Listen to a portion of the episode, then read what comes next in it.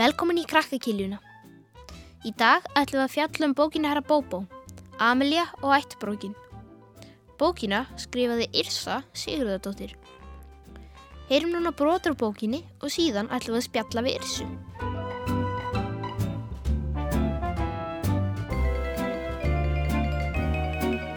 Sumir dagar eru frábærir. Sumir dagar eru svona lala. Frábæri dagarnir gera þá sem eru lala bærilegri. Þegar maður getur annarkort hugsað um frábæri hluti sem gerðist á frábæran degi eða hugsað um hvaða frábæri hlutur gæti gerst á því næsta. Í dag þarf ég ekki að gera það. Hvers vegna? Vegna þessi dag er frábær dagur. Til að gefa ykkur hugmynd um hvað frábæran er, skulið ímynda ykkur frábæran dag með fánalengjum, stjörnuljósum og blöðurum. Þetta er þannig frábær dagur. Áðurinn ég segja ykkur hvers vegna er rétt að ég kynni mig. Ég heiti Alexander, Cesar, Lóðvík, Ramses, Karla Magnús, 53. Nafnum mitt er svona langt og glæsilegt af því ég er eðalborinn. Margir af forfæðurum mínum voru kongar og drottningar, sumir með þessi keisarar og keisarinnur. Langt aftur í ættir er skildum tveimur faróum og næri tíma einu ljóðskáldi. Ég vil helst ekki tala um skáldið. Það er svarti sögur í öllum fjölskyldum. Drátt fyrir að vera af aðalsættum og það er mjög flottur, þá er mér ekki sínt nægileg virðing. Ég bý nefnilega hjá hálgeðum dónum. Þau kalla mig aldrei mínu stórkvæslega nafni eða varð César, Lóðvík, Ramses, Arlius, Karla Magnús, 1609. Nei, þau kalla mig herra Bóbó. Ég er fegin að mamma mín skul ekki þurfa að heyra þetta. Nú er þessi svífið að fara hann að venjast. Ég hef það hugfast sem mamma brindi fyrir mér og sískinu mínum fjórum árum við vorum sendið í fóstur. Við skildum leiðamann fólkið eins mikið hjá okkur og við mögulega gætum. Í staðin fyrir að láta það pyrra okkur ættum við að vorkina því. Það er nefnilega ekki allir svo hefnir að fæðast um kettir. Eins og ég. Mannafélskilda mín til dæmis. Það verið seint sagt að hún hefði unnið í hapturætti lífsins. Þau eru fjögur, Elskan, Ástin, Marja og Jónatan. Eftirnafn þeirra er mín, nema Jónatans, það er minn. Ástin mín, Elskan mín, Marja mín og Jónatan minn. Pappin heitir Elskan og hann er lögga. Mamman heitir Ástin og hún vinnur hjá bænum við eitthvað sem er trúlega tilgangslust, en það hefur það ekkert með kettið að gera. Marja og Jónatan eru börnið þeirra. Ég hefði miklu freka kosið að Elskan og Ástin inn við eitthvað sem ég þætti flott. Var til dæmis sjómen og kemi heim með fisk eða þá afgriði í voffum já í gældiribúðinu. Ef þið inni þar getið þið tala eigandan inn á að breyta nafni vestlununnar og sleppa þessu voffi. Minnst að kosta að breyta rauðinu sitt á mjá og undan. Anna gott starf, ef ekki það allra besta, var ef þau voru hundafangar. En ég hef launguð gefið upp alla von um þau munu nokkuð tíma sækja um þetta gufaða ennbæti. Ég bind samt vonu við Jónatan. Hann hlýtur bráðlega að fara að sækja um vinnu. Hann er nú eins og náttúrulega 7 ára. Varðla vill hann endi eins og sýstir hans, atvinnulegs og enn í skóla að verða 12 ára.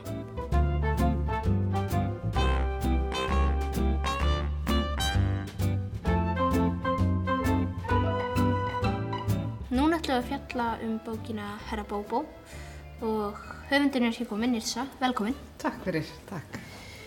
Um hvað fjalla bókin í stuttumáli?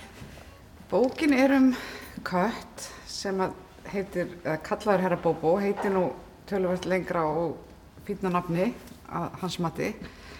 Og hann heldur að hann sé alveg svakalega fýtt köttur nema svo flytur í næsta hús svona angura læða sem er með ættbók og æla fín. Og henni finnst ekki mikið til hans koma og hann er svo hrifin af henni. Hann kynist mús sem heitir Amelia og þau fara saman að reyna að verða honum úti um ættbók og þetta er svona segja frá æfintinu þeirra og tilhörnum til þess að útvega sér þessa ættbók en í raun og veru er sagan samt um sko gildi vináttunar og hvaða er að vera góður vinur. Já. Getur þú líst aðal personunum fyrir okkur? Já, það eru nok nokkrar. Það er náttúrulega aðal Herra Bobo og Amelia sem er músin. Og síðan er fjallar þetta líka um heimilislífi heima hjá kissunni. Af því þar eru hérna þar eru, þetta er svo fjölskylda fóröldra með töpöð Marja og Jónatan og síðan hérna fóröldrarnir sem að kissin heldur að heiti Ástin og Elskan. Elskan, já. Já. og, og þetta svona lýsir þeirra lífi svona séð í gegnum augum kattarins og það, það var svo skemmtilegt að skrifa því að kettir náttúrulega sjá heiminn svolítið öðruvísi heldur en fólk. Já. Þannig að það er auðvelt að benda á það sem er skrítið í, í svona hegðun fólks í gegnum þegar sögumæðinu kissa. Já. En hvernig ævintýr lenda þið í? Þau lenda í alls konar. Það er hérna erki óvinnur hans sem, heitir, sem er hundur, sem heitir Urriði. Hann til dæmis hérna riðst hann inn í ammali hjá Maríu og svo, já, og, og, og herra Bóbó er líka mjög, sko, hann er mjög meðvitaður um allar hættur sem er í heiminum, þannig að þau, hérna, er í mikið af þeirra æfinturum gang út af það að hann er að reyna að forðast að lendi þessum stórkoslu og hættum sem að hann telur vera á hverju strái. Já. En hvers vegna ákast þú að skrifa um kött? Sko, kettir eru, eru svo skemmtilega, hvað sem að þeir finnst, þeir vera svolítið yfir okkur fólki hafið og það gerði að hann svo skemmtilegri, skemmtilegum sögumanni því einmitt þetta að hann getur hort á það sem fólki er að gera, það sem krakkarnir er að gera á heimilinu og túlka það út frá því sem að köttur myndi halda þið var að gera og hvað margt sem honum finnst uh, svona vera algjör vittlisa sem er kannski alls ekki vittlisa í augum fólksins þannig að hann gefur manni svona maður getur hort svolítið út fyrir kassan varðandi bara það sem er að gerast í lífi barna og, og fullarina. Já. Um, viltu segja okkur aðeins frá myndunum í bókin? Já, mér þykir ofsalega vænt um þessar myndir því það, þessar myndir teiknaði dótti mín og, og hún hérna hefur alltaf verið að teikna frá því hún var lítil og er núna bara komin yfir tvítugt og svo þegar kom COVID að þá var svo frábært að geta nota þennan tíma að hún tók að sér að teikna sagt, þessar myndir í bókinu og var ægilega gaman að vinna með henni sem sagt, já, að vera að vinna að einhverju svona alvöru með henni vera ekki bara mamman og dóttirinn. Já. Það er mjög skemmtilegt. Hjálpa myndirnar mikið að um, láta krakka skilja söguna? Ég held það vegna þess að, sko, ef þetta væri bara texti, að þá, hérna, þá er það kannski svolítið svona, eh, svona síðri upplifun, að því myndirnar eru, það er líka svona grín í myndunum sem að, sem að hjálpa svona til að, að, já, að gera bókina skemmtilega, alveg klárlega. Og líka kannski svona útskýra og sína hvað hann er að sjá fyrir sér í hluta af rugglunu sem hann er að velta fyrir sér kísin. Nákvæmlega. En fyrir hverja er bókin? Sko bókin er, ég myndi halda hún væri svona, þetta er alltaf svolítið erfitt, uh, ég, hún er fyrir börn, klálega, og skrifuð þannig, ég reyndi að skrifa hana þannig að ef að það væri foreldri sem væri að lesa fyrir barni, barni er of lítið til að lesa sjálft svona heila bók, að þá væri líka í bókinni svona húmor sem bæði börn og fullorðni skilja. Þannig að fullorðn, full, þeim fullorðna sem er að lesa að honum er ekki leiðast. Já. Þannig að ég las svo mikið fyrir són minn og honum fannst ósala skemmtilega hérna Palli var einn í heiminum og ég var að lesa hana aftur og aftur og aftur og mér fannst hún svo agalega leiðilega undir lokum. Þannig að ég hérna finn til með fóröldum sem er að lesa bækur sem eru kannski ekkert óskemmtilega fyrir fullorðna. Já. Það er mjög snið. Af hverju ákast að skrifa barnabók aftur eftir alveg átján ára eitthvað? Hver er helsti munurinn á að skrifa fullorðinsbók og barnabók? Sko já, við hefum langa lengi til að skrifa tvær bækur ári og hérna einhvern tíma var verið að segja mig ég ætti að taka ekki að skrifa bók á ári, það var miklu, þætti miklu fítna að skrifa eina bók á tveggjára fresti og ég var ekki alveg sammála því og þá ákvæði ég að ég ætla að skrifa tvær bækur ári. En það líði alveg tíu ár frá þetta sagt um mig þar til ég hafði tíma til að skrifa tvær. En, en það er hérna, það er kannski ekki svakalega munur á því að skrifa fyrir börn og fyrir fullorna. Allar sögur þurfa að hafa sögupersonur, þar þurfa að hafa sögu sem verður að segja, þar þurfa að hafa staðsetningu og svo framvegis og svo framvegis. Þetta er allt sömu elementin sem eru í hérna barnabók og fullorðinsbók. En barnabækur, svona helsti munur held ég fyrir mig er að það eru aðeins styttri. Það Já. er bara einu munurinn. Og líka náttúrulega hérna, efnistökin eru, eru aðeins öðruvísi. Maður getur verið með svona kannski aðeins agalegri hluti í fullaninsbók en í barnabók. Já. Þannig að, en mér fannst alveg svakalega gaman að skrifa aftur fyrir börn og, og ætla að gera það framvegis að reyna að vera alltaf þá bara með tvær bækur á ári. Hvaða bækur hefur þið skrifað áður? Sko, barnabækurnar voru fimm, svo fyrsta hér, þar lágu Danir í því, svo kom við viljum jólin í júli og síðan komið þrjár viðbót og ein hér barnapíubófin, búkall og bókaránið og ég var, og svo var, þá var ég skömmuð og síðan, hvað hétt, já, og svo var ég skömmuð fyrir að vera með alltaf langa titla og þá hétt einn B10 og ég man ekki alveg hversu fjórða, hversu fymta var, sko, því miður, hún byrjaði líka á B. Já. Það var ég búin að finna út nefnilega, það var ég búin að finna út að barnabækur voru auglistar í stafrósröð eftir titli. Að það var bara allar settar á eina síðu og að því ég hafði verið með við viljum jólinn í júli þar láta hann því, þá voru það neðstar. Ég er búin að finna þetta út og þá fór ég að nota hérna A og B, en fæstist nú í B og þegar að ég sagði forleginu frá þessu að ég var búin að fatta þetta að þá breyttu þeir og ruggluðu röðinni. Já. Þannig að undir lokin þá var ég bara eitthvað starfinn í miðinni eða eitthvað. Já. Þannig er þetta sjötta bókin? Þetta er sjötta barnabókin, já. En svo hef ég skrifað 16 bækur fyrir fullorðina. En, upp, en að, í hjarta mínu er ég lesandi.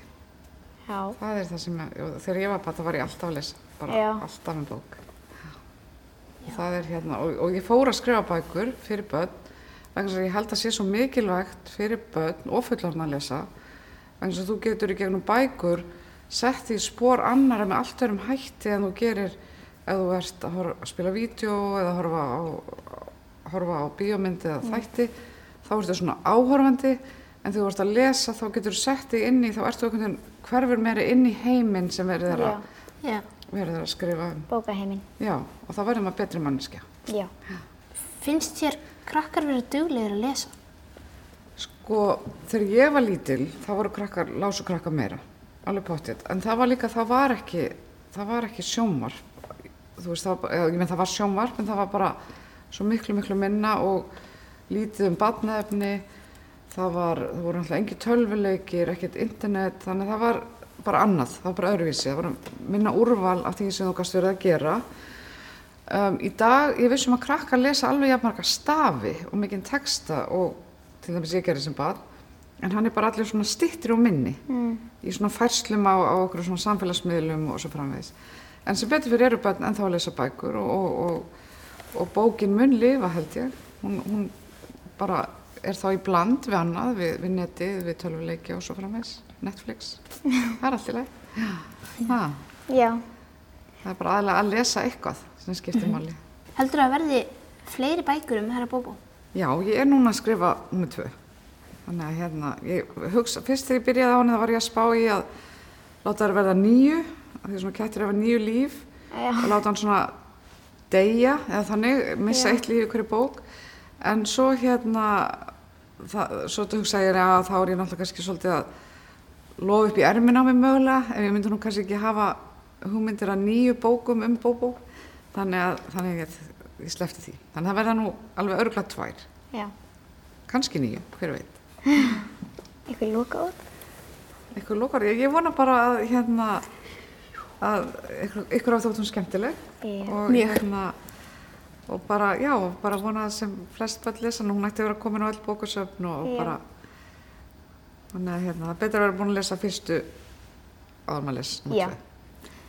En takk fyrir komuna. Takk fyrir mig, kærlega Já.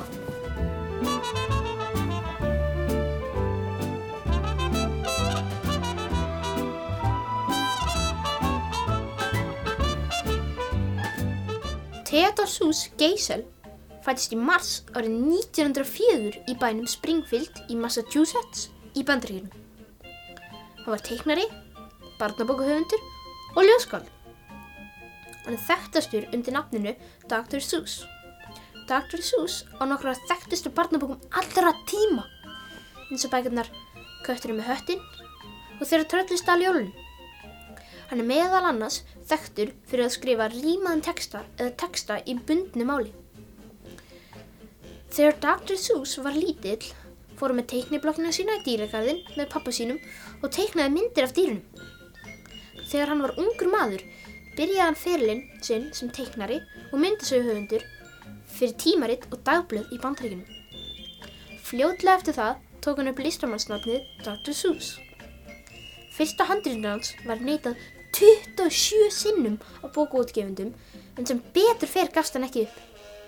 Dr. Seuss skrifaði meirinn 60 bækur á ferli sínum sem hafi verið þýttar og gefnar út um allan heim.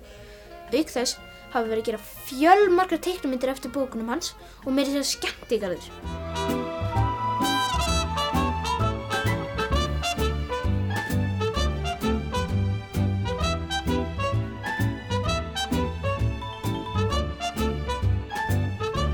Þá er krakkakiljan búin í dag.